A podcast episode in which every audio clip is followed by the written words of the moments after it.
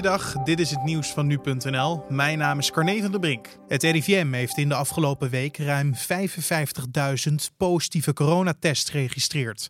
Dat is ruim 10.000 minder dan een week eerder. Wel werd er afgelopen week beduidend minder getest dan de week ervoor, waardoor er volgens het RIVM in de cijfers nog geen overtuigende daling zichtbaar is. Het aantal ziekenhuisopnames daalde ten opzichte van de voorgaande week ook miniem.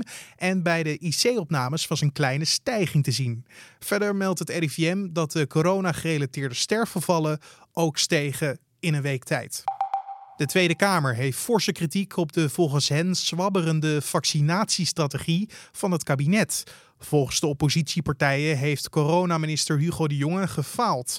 De roep om meer betrokkenheid van premier Rutte bij de corona-aanpak klinkt ook steeds luider. De Tweede Kamer debatteert vandaag met premier Rutte, minister De Jonge en minister Tamara van Ark van Medische Zorg over de problemen met de vaccinatieaanpak van het kabinet. Nederland begint woensdag als laatste EU-land met het zetten van de eerste prik. En de volgorde waarin groepen aan de beurt komen is in de afgelopen weken meermaals veranderd.